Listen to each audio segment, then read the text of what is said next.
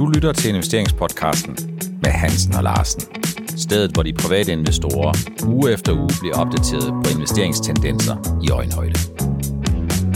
Velkommen til afsnit 139 af investeringspodcasten med Hansen og Larsen. Det er meget, meget hårde tider for investorerne, Helge. Det er ikke kun aktieinvestorerne, som må lægge porteføljer til nogle gedigende kursbryl, men det er også obligationsinvestorerne, som måske har udsigt til at få det ringeste afkast i mands minde og i tæt på 100 år. Så det er vel ikke så mærkeligt, at investorerne de føler, at det er noget rigtig skidt at være tungt investeret. Er det det? Øh, det gør de jo, og jeg må sige, jeg har jo tit undervejs, vi har, når vi har lavet de her podcasts, så har jeg taget, så udtrykt mine tanker om, at jeg ønsker, at vi snart fik en situation, hvor vi kunne kombinere aktier med obligationer. Men det er der altså forløbig lidt lange udsigter til, altså, eller måske kommer der en vending, før vi tror det, men øh, det der med at have den kombi der, det har altså ikke været nogen god idé i den her situation, vi har nu. I dag skal vi ind på primært tre ting. Vi skal diskutere sådan lidt øh, det ringeste porteføljeafkast for en 60-40 investor. Jeg skal nok komme meget mere tilbage til sammen med Helge Larsen om, hvad det betyder. Øh, vi skal kigge en lille smule på de regnskaber, som så småt er begyndt at tække ind, og som kommer de kommende uger, og hvad det kan betyde for investorerne. Og så vil jeg allerede nu godt advare om at bruge et udtryk, der hedder om det her, det er ligesom, at selskaberne de kunne finde på at gøre ligesom i poker, hvor man smider kortene, så hedder det vist at folde. Så skal vi øh, snakke en lille smule om containerraterne og andre ting, ikke fordi vi igen skal tage Mærsk under behandling, men fordi at øh, der er noget, der optager investorerne, og det er, at når det bliver nemmere at finde mikrochips, og de bliver billigere, og når fragtraterne de kører baglæns eller sejler baglæns, jamen så må det jo på et tidspunkt begynde at betyde en hel, en hel del for inputfaktorerne og omsat til investeringssprog og økonomisprog, så er det jo den påvirkning, som det kan have for inflationen. Jeg har kigget lidt, Helge, på øh, afkast for en 60-40 investor. En 60-40 investor, øh, hvor jeg har fundet data fra USA. 60% investeret i S&P, 540% investeret i 10-årige amerikanske statsobligationer. Og når man kigger på det afkast, øh, som de investorer, som har sådan et blandet portefølje, en 60-40 eller en 50-50. Det er faktisk en vanlig måde at gøre tingene på, ikke? For mange. Det, det er det. Det er, en, det er en god gennemsnitsbetragtning. Og når man kigger på det her, så er vi forhåbentlig ikke, men måske alligevel på vej til det næst ringeste afsnit, afkast siden øh, starten af 30'erne og slutningen af 20'erne. Slutningen af 20'erne og starten af 30'erne, der havde jo depressionen. Øh, og sådan et afkast, som ultimo september måned hedder minus 22 procent, det er i fodbold en takling helt op i knæhøjde. Fuldstændig, og vi har jo også en civilisation nu, der er præget af rigtig mange øh, faktorer på samme tid, altså negative faktorer. Så hvis det ikke, jeg vil sige det sådan, hvis det ikke skulle være nu, hvornår skulle det så have været? Vi har også haft dårlige øh, øh, øh, oplevelser, du ved godt, under energikrisen i 70'erne, og der har jo også været lidt i 80'erne indimellem, ikke? Og så .com, ikke? Men, men det her, det er, det er altså en grim kombi, vi har lige nu. Så hvis man kigger på det hele, så er det jo sådan, at alle, alle taler om aktierne. Og det er jo fordi, at vi alle sammen er vant til at kigge på en aktie som en størrelse, der bevæger sig helt vanvittigt. Så forskellen mellem et godt og et mindre dårligt øh, øh regnskabs påvirkning på aktiekursen, jamen den er måske under normale omstændigheder 3, 5 eller 7 procent. Under de her øh, vilkår, som vi har haft her senest, jamen der kan det godt være minus 10 og minus 15 og minus 20 procent over en periode. Men det, som vi ikke plejer at have, det er jo, at obligationerne med en sammenlignelig risiko, det vil sige med en løbetid eller en varighed, som jo er kursrisikoen, der svarer til aktier, den er gået ligesom meget ned, så smerten, den er jo bare blevet presset fuldstændig helt ud i stortåen. Ja, altså man jo altid haft det der, når ja, men altså, man kunne jo altid ty, ty til obligationer, når det gik dårligt med aktierne, ikke? Øh, og man kunne bruge det som en sikker havn, og det, det, det er nok kommet bag på rigtig mange, at, øh, og det fandt, fandt man jo ud af her under øh, en, sidste år allerede, ikke? Altså, altså det her går, øh, der sker et eller andet med obligationerne, som, som gør, at man ikke går derhen, og hvorfor det kan vi jo godt diskutere lidt, Per, fordi hvorfor er det, obligationerne skrider så voldsomt ned, som aktierne gør det, og for øvrigt en masse andre aktive klasser? Det er jo af mange årsager, at renterne stiger, men det, bliver, det er jo også sådan, at centralbankerne de er blevet en sælger af markedsrisiko. Og sælger af markedsrisiko, det lyder måske lidt indforstået og lidt indviklet, men det betyder alt andet lige, og bare på almindelig dansk, at øh, de obligationsbeholdninger, som centralbankerne har bygget op i stimulansperioden, som i al væsentlighed vel har været siden 2010-2011, da Ben Bernanke som jo lige har fået Nobelprisen, øh, da Ben Bernanke sagde og gik i gang med de her quantitative easings, altså det, at centralbanken, den amerikanske centralbank, Federal Reserve, er ude og er med til at presse renterne ned og give likviditet til markedet ved at købe obligationer. Det er jo nogle af dem, der skal den, den anden vej nu.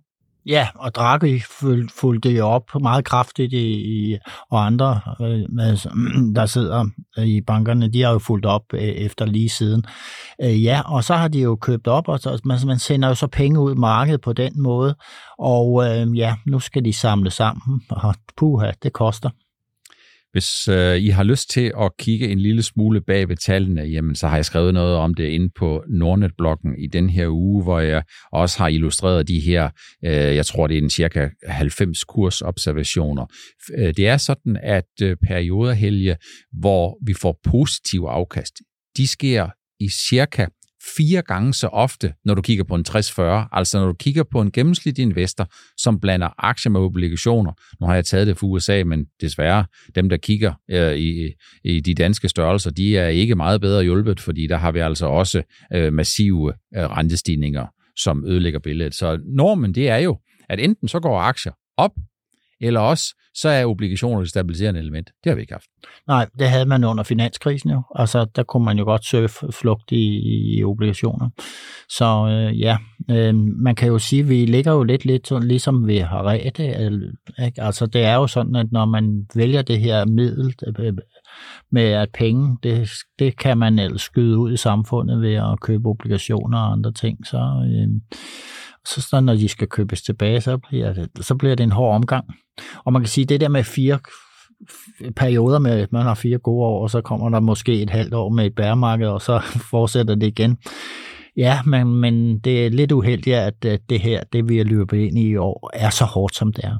Tror, jeg, du er meget forsigtig, og så er du meget diplomatisk. Jeg tror, langt de fleste af dem, som jeg kender, og mit eget depot inklusiv, de vil sige, at det er en meget diplomatisk måde at sige og kalde udviklingen lidt uheldig. Jeg vil måske kalde det, jeg vil kalde det redsom, faktisk. Ja, det er det. Øh, men øh, vi ved jo godt, øh, at på, på den, anden, den anden side, den kommer en dag, og så øh, må vi se, hvor meget vi henter hjem der. Og ganske rigtigt, som du siger, Helge, så kan man sige, at under finanskrisen, der falder aktierne jo helt vanvittigt. Det er jo fuldstændig rigtigt. De faldt jo med 30, 40, 50 procent over en 6 måneders periode, som i al væsentlighed handlede om sensommeren på det tidspunkt, hvor Lehman Brothers gik konkurs den 15. i 9. 2008, og indtil aktiemarkedet det bundede ud den 6.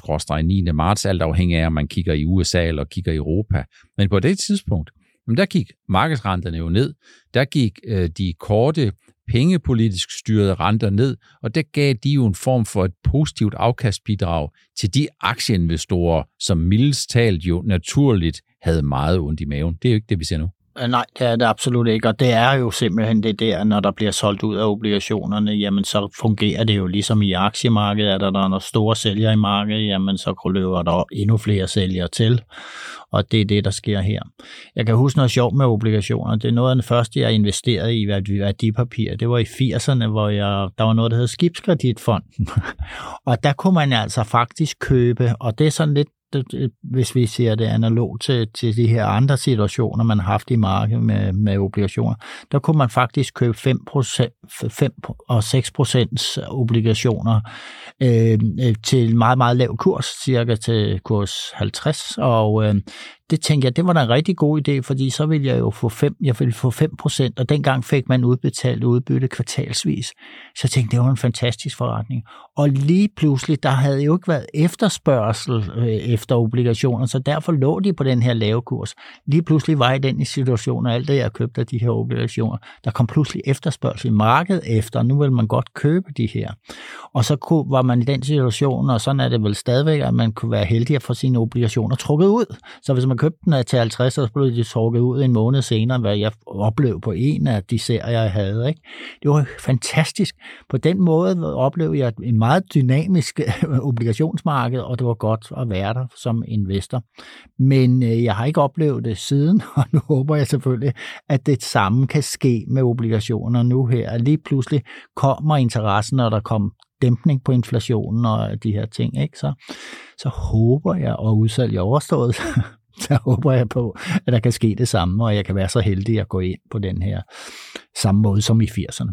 Et af de spørgsmål, som jeg faktisk ofte får, det er, at der er nogen, der lægger kursudviklingen på aktier i 2008 oven i den udvikling, vi har i dag.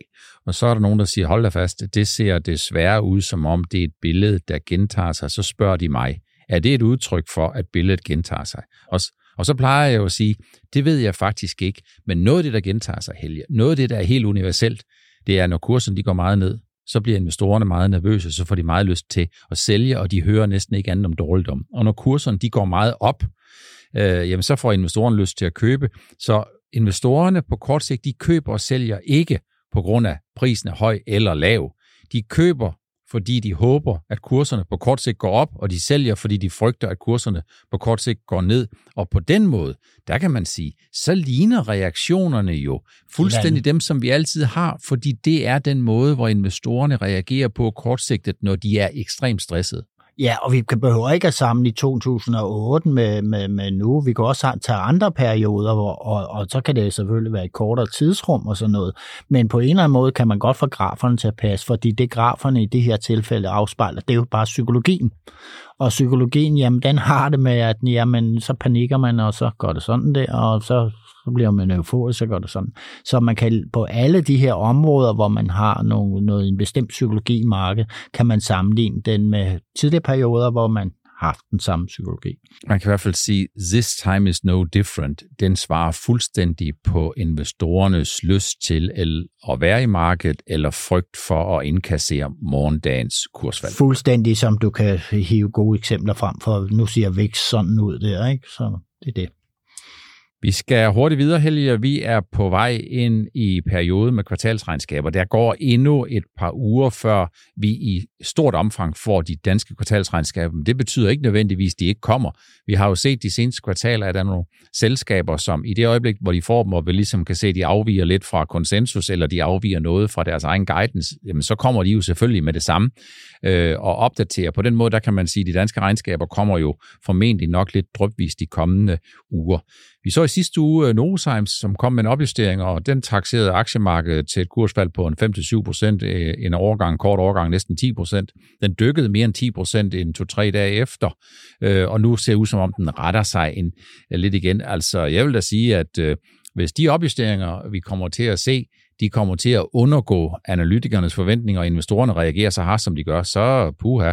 Per, det var lidt specielt med Novozymes, fordi jeg tænkte, det, jeg synes, da jeg så regnskabet, der kom, så tænkte jeg, det falder den på. Og det tænkte jeg, fordi bioetanol, som de opskriver på, jamen det er jo helt naturligt, når vi er i sådan øh, det, den energiproblematik og priser, vi har nu. Så det er helt naturligt. Men på alle de underliggende øh, øh, dele, der, der var de, lå de under konsensus. Og det var jo sådan lige fra enzymer til vaskemidler og, øh, og enzymer og probiotiske bakterier og så videre til fødevarer og drikkevarer. Det var så hele spektret, de var under på. Og det kan man sige er jo et vist om for kerneforretning for bioetanol. Det var naturligt, det røg op, ikke? Øh, så der vil jeg sige, det falder det på. Det var min første tanke. Øh, og så så jeg godt, at du var ude at sige, at det var voldsomt. Jeg synes også, det var overdrevet, men de faldt på det der. Og det er helt naturligt, lige så snart kernen i en virksomhed bliver berørt på den her måde. Øh, også fordi det, det afspejler jo det her med, at det er vaskepulver og fødevarer og alt muligt. På en måde afspejler det jo Øh, og det kan vi komme ind på med Christian Hansen bagefter, på en måde afspejler det, at, at man har en recession forud, eller man er midt i noget, eller at, deres priser er steget for meget. Det er sådan nogle ting, der afspejler. Så den, den, den var okay, men øh, jeg vil nok sige, at det burde ikke øh, øh, altså faldet var nok lidt overdrevet. Jeg, jeg synes, faldt overdrevet. Jeg kan godt øh, være med på retningen. Jeg synes, faldt overdrevet. I dag her onsdag, der har vi fået regnskab fra Christian Hansen. Christian Hansen, puha, jeg kigger lidt på kursudviklingen. 1, 3, 5 måneder, store minus. Forud for i dag, forud for dagens regnskab, så er Christian Hansen, den er blevet skudt tilbage. Øh, ikke til hjørnespark, men til målspark, helt tilbage. Øh, og øh, vi skal tilbage til 2015 for at finde en tilsvarende lav aktiekurs. Så det er vel et rigtig skidt eksempel, eller et rigtig godt eksempel på, Helge, at når du har en aftagende vækst og en høj prisfastsættelse, ja, det giver kursfald. Ja, det gør det i det højeste grad, og det har vi set øh, næsten hele vejen rundt øh, i, på, altså globalt på aktierne. Ikke? Altså, det er altså en virkelig dårlig kombi. Og øh, ja, men jeg synes, Christian Hansen, jeg er meget, meget glad for den her virksomhed, bortset fra aktiekursen altid har været for højt til, at jeg rigtig vil investere noget særligt i den. Så vil jeg så sige, at jamen, de gør det godt. Og det, vi skal huske, og nu har det, fordi jeg har handlet meget med Christian Hansen gennem årene med de, til vores egen produktion og sådan noget. Det, de har, det er jo ikke sådan en stor øh, råvarer. Det er jo ikke, det er jo ikke du er vindruekerneolie, du køber. Nej, du køber for eksempel et farvemiddel, der kommer fra, fra skallen på et lille krabstyr og sådan noget. Altså, det er sådan specialiteter, som ikke fylder ret meget øh, i, hos den, der bruger dem i sin produktion af forskellige varer. Så den kan godt få lov til at stige i pris, uden man, nå jamen, det går jo ikke så meget. Sådan er det. Det er jo samme med, med, med, man har med vindmøllerne, når man skal sælge noget smørmiddel til dem. Jamen, det betyder knap så meget med det her smørmiddel, med det meget værre med alt det andet, der indgår i stort omfang. Ikke? Så de, de, de ligger lunt i svinget om, at der er rigtig, rigtig mange øh, globale fødevarevirksomheder, der er utrolig afhængige af, at de kan få de produkter, Christian Hansen har udviklet. Så, så jeg føler mig tryg ved selskabet, men det er klart, når de melder ud med lidt dårligere vækstforventning, og det det skulle de jo også gøre i den situation, vi stod for, for eksempel i foråret, hvor man ser ind i noget, man kan ikke se, hvor fører det hen, og så kommer der de her afdæmpede, forsigtige øh, guidings, og det synes jeg har været helt i orden, men de, de er på sporet igen, og så har der nogen, der, der skrev nogle overskrifter, det gik ikke så godt ind for health and nutrition.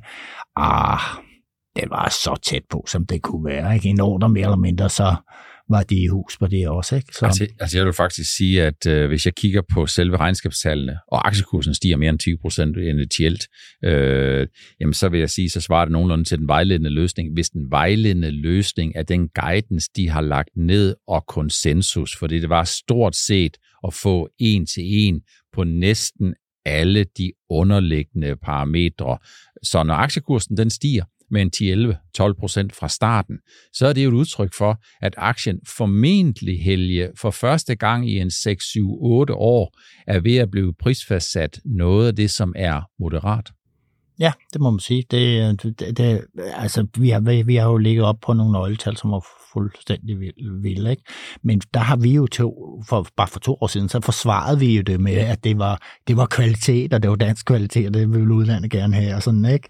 Øh, det har, ser vi jo en del selskaber. Vi får senere den her uge, der får vi tryk, og så på, øh, på fredag, der får vi jo store bankdage i USA, de rigtig store amerikanske banker. Det er jo ikke, fordi jeg spørger dig specifikt til nogle af forventningerne, men øh, på fredag, der kommer der også Jamie Dimons Bank, JP Morgan, og han har jo sagt, at øh, de næste to-tre kvartaler, de bliver meget, meget hårde. Øh, øh, JP Morgan har ramt øh, 52 øh, ugers lavpunkt, og investorerne de kan godt se, at stigende renter, det er rigtig godt for netto renter og gebyrindtægterne, men de er lidt nervøse for, om bagsiden af den der konvolut, bagsiden af den der ligning bliver til en ulighed, når det er sådan, at stigende renter, det betyder boligprisfald, og det formentlig også betyder, at der er nogle af amerikanerne, som får meget svært ved at betale deres regninger tilbage. Du, du er rigtig god på de her banker, og du har ramt dem rigtig godt hver gang. Altså, jeg vil lige spørge dig, Per, så noget som man, om man optager, altså, hvordan påvirker det, at obligationer, de, de skrider så langt ned i kurs og sådan noget? Det, det må jo være forfærdeligt for mange bankers øh, balancer, ikke? Jeg tror, det er noget af det, som investorerne sidder og holder vejret med, når vi kigger realkreditmæssigt op på Danske Bank. Og det er jo fordi, at øh, noget af det, som var gældende i anden kvartal, det var jo, at når obligationsmarkedet det skrider så meget, som den gør, og Danske Bank er market maker på realkreditobligationer, så er der en stor risiko for, hvis man ikke hele tiden sørger for at få sendt risikoen videre til nabobanken, at du ender kvartalet lige pludselig med at have store tab og en stor renterisiko på din balance. Og det er jo faktisk noget af det, som der er nogen, der frygter er sket igen her i øh, ultimo tredje kvartal i september måned, hvor realkreditobligationerne jo desværre også er skrevet rigtig meget generelt set, fordi renterne stiger, fordi det ser ud som om, der er nogen, der har været tvunget til at sælge ud af deres renterisiko inden for realkreditobligationerne. Jeg tror, analytikerne sidder og kigger på, om Danske Bank har og vil få svært ved at leve op til den guidance, som de har nedsat til 10-12 milliarder efter, øh, efter skat, hvor analytikerne ligger på noget, der ligner 9,5 milliarder. Så det betyder jo rigtig, rigtig meget. Ikke kun om kunderne kan betale deres penge tilbage, men også om man finansielt har fået en position, fordi man er en relativt stor aktør i et marked, hvor døren den er lidt smad, smal, når det er sådan, det blæser vindstyrke 10 fra Ja, og hvordan står det til med de amerikanske banker i forhold til det? Jamen, jeg tror, de amerikanske banker, de har jo været gode til, øh, generelt set, så har de været gode til over tid at få sat de her renterisici videre. Så øh, hvis vi kigger på de amerikanske øh, banker, så plejer de sådan lidt at være, kan man sige, sådan lidt ligesom i en Olsenbanden-film. I det øjeblik, hvor politiet de kommer og skal hente øh, øh, Egon, jamen så er Benny og Kjeld, de er stukket af. De er jo sådan set allerede sendt den der den der regning videre. Jeg tror heller ikke, det er det, som investorerne er mest bange for. Det, som investorerne er bange for, det er om det at handle, det at handle med finansielle aktiver, det at handle med aktier og obligationer, det at syndikere noget, det at udstede noget, ja, det kommer til at falde rigtig, rigtig meget, og så er de altså bange for, at man kommer til igen at se en situation ligesom under covid-19, hvor man i 2020 tog nogle meget store tabsreservationer, som man så 12-18 øh, måneder senere kunne begynde at køre baglæns, fordi øh, det ikke endte med de her tab den her gang det er der nok en reel risiko for, at øh, nogle af de tab, som man har taget en reservation til, de også bliver virkelighed, fordi ejendomspriserne, de, øh, falder jo også lidt tilbage, når det er sådan, at markedsrenterne de stiger så meget, som tilfældet har været. Og man kan sige sådan set i bagspejlet, hvis man sådan sammenligner, med, så øh, for bankernes vedkommende, i hvert fald i USA, så kan jeg se, at mange har været ude og melde, at ja, alle de der børsnoteringer, det tjente vi jo styrtende på, og der var, der var flere tusind jo, ikke? Øh, og, og, og det marked var lige pludselig er forsvundet jo, som duk for solen, ikke? Så den afdeling, de banker, der har meget af den slags, og det er der nogle af den buket, vi to snakker om, men der er jo nogen, der virkelig har store indtægter på det. Dem har de altså ikke haft i år. Det bliver spændende at følge med i under alle omstændigheder. Øh, centralbanken i New York, Federal, Federal Reserve of New York, det er ikke den amerikanske centralbank, men de har lavet sådan en opgørelse, Helge, der viser øh, lidt om, hvor meget øh, covid-19 og forstyrrelse af øh, forsyningskæderne havde øh, på inputfaktoren, altså på priserne, det vil sige containerrater, som vi har været inde på, som jo 10x'ede, altså gik fra 15-1600 til 12-15.000 dollar for at få sendt en 20 eller 40 fods container fra Kina til Los Angeles, eller fra Kina til Felixstowe, eller til Genua, eller hvor man nu kunne sende den hen i Europa. Øh, men det er jo klart, at når fragtraterne sejler hele vejen tilbage, og det tror jeg stadigvæk, de gør, de sejler fuldstændig hele vejen tilbage til udgangspunktet og vil være 14-1500 dollar. Og det er fordi, der er ikke langsigtet sket noget. Det er stadigvæk en industri, der er præget af fuldkommen konkurrence. Og på den måde, så kan man sige, hvis priserne har været alt for høje, så på et eller andet tidspunkt, så går det fra overophedning til underafkøling. Og det må også få en betydning for inflationen, gør det ikke det? Jo, øh, i, øh, i allerhøjeste grad. Der er jo nok nogen, der mener, at jamen, øh, det med inflation, det handler udelukkende om, hvor mange penge der er i samfundet. Men det, det drejer sig altså også om, om der er noget, der underliggende kan være blive skubt til, til prisniveauet. Og det kan jo netop det her fragthalløj gøre. Ikke? Og det vi ser med fragtner her, og, og, og du er jo lidt hård med, kan jeg sige, med nedjustering af fragtretterne, men det tror jeg, du får ret i. Og det tror jeg også, fordi efterspørgselen i det her marked, vi har nu, og i et stykke tid fremover, den vil falde. Efterspørgselen efter kinesiske varer eller asiatiske varer, den vil falde kraftigt. Og vi har begyndt at se tendenserne i USA. Der var kommet lige nogle tal her forleden dag. Ikke? Så nu begynder efterspørgselen at falde, og så er det spændende, hvor hurtigt det går med ligesom at få alle de andre inputfaktorer til at falde med, som følge med ned. Så hvis man kigger på privatforbrugsaktierne, som jo er en god proxy for ligesom at sige, hvor de tror indtjening er på vej hen for de virksomheder, der sælger til privatforbrugeren, hvor der jo typisk er et meget betydeligt transportbehov i produktet, jamen så er jo masser af de der aktier, der er halveret, eller det, der er meget værre end det. Og derfor er det jo helt naturligt, at det er jo et udtryk for, at vi kommer til at se en normalisering af de der ting. Det er ikke nogen købs- eller salgsanbefaling på Mærsk, for jeg kender jo ikke den enkelte investor. Øh, men det er altså en understregning af, at virkeligheden den vender tilbage, og efter en overophedning, og jeg kan ikke mindes i den tid, hvor jeg har fulgt aktier, der kan jeg ikke mindes, at vi har haft en situation, hvor fragterne er stukket så meget af fra det langsigtede virkelighed. Det ligner jo til forveksling faktisk udvikling i naturgas, som på et tidspunkt har været 10-15 gange det langsigtede gennemsnit. Nu er naturgasprisen... Men bare en kort tid, ikke? Bare en meget kort tid.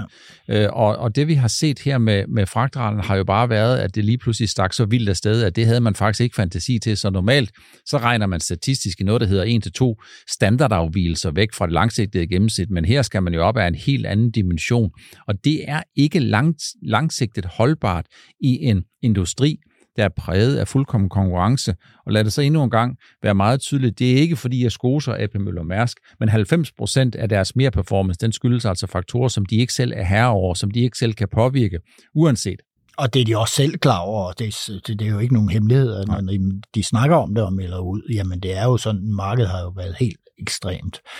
Øh, jeg vil sige, det her lige inden for shipping, så har, er der jo perioder i historien, hvor forskellige shipping-segmenter, de stiger voldsomt, og retterne bliver enormt store. Og øh, det, det kunne man have perioder inden for bolker og sådan noget. Man kan se i hvert fald de også med store fald. Øh, man behøver bare have en mine, der lige pludselig ikke fungerer over i Sydamerika. så ryger, jamen så er der ikke så meget sejl med, og så ryger retterne jo øh, 80 procent ned. Ikke? Så det er et bevægeligt område det her, men det, det er meget ekstremt, det der sker i container. Så når vi kigger de næste 3-6 måneder, Helge, så tror jeg jo på, at det mest sandsynlige det er, at udviklingen den fortsætter, og hvis den udvikling, vi har set de sidste 6 måneder, bliver repliceret de næste 6 måneder, får, kommer vi til at se en halvering igen, og så er vi relativt tæt på at ramme niveauet fra før covid-19, når det drejer sig om øh, transport fra Shanghai til Los Angeles. Det tager måske en lille smule længere i Europa, og det er ikke fordi efterspørgselen i Europa den er helt fantastisk god, men det er fordi, der ser ud som om, at forsyningskæderne stadigvæk er noget mere forstyrret i Europa, øh, end de er tilsvarende i USA. Og så kommer mikrochips oven i mikrochips. Det bliver meget nemmere at få fat i mikrochipsene. Og mikrochipsene, de bliver også meget billigere. Og det gør de jo, når det ikke længere er sådan, at man skal vente og bede og tække og alt muligt andet om at få nogle mikrochips. Øh, og så øh, sker der jo ligesom det altid sker. Når selskaber, der producerer noget, hvor prisfaktoren har gjort, at du har tjent alt for mange penge i en periode, så kommer der en periode, hvor dem, der har betalt alt for meget, de bliver mere prisfølsomme, og så kommer de til at gå efter de gode tilbud, og sådan kommer det også til at gå. Så mean conversion. tilbagevenden til det langsigtede gennemsnit, det er en meget stor drivkraft, og det er jo også noget af det, som forhåbentlig investorerne de kan finde trøst i helge, når vi kigger på sådan en 60-40 investor med et negativt afkast på 22 procent ultimo september måned, som kandiderer til at blive det ringeste afkast, som vi har haft i næsten 100 år. Ja, man kan jo sige, at inden for hele den her siden industrialisering og sådan, vi har virkelig fået så et kapitalistisk system kørende, så hvor markedskræfterne de dirigerer tingene, så ser man som, at den her, der kommer balance i markederne hele vejen igennem. Nogle gange tager det lidt længere tid, men øh, det, det sker som regel altid. Er der noget, der ikke gør på, så er det selvfølgelig sådan noget som sjældne metaller og sådan noget, som man kun har et sted i verden. Ikke? Men, øh, men ellers generelt, så, så retter tingene sig. Man kan i hvert fald sige, at kursusving det er ikke en sjælden forekomst øh, af en finansiel størrelse på de finansielle markeder. Det var det, vi havde valgt at tage med i afsnit 139 af Investeringspodcast med Hans og Larsen. Tak fordi I følger med. Tak fordi I fulgte med. Jeg håber, vi ses igen og høres ved igen i næste uges afsnit 140 af Investeringspodcast med Hans og Larsen.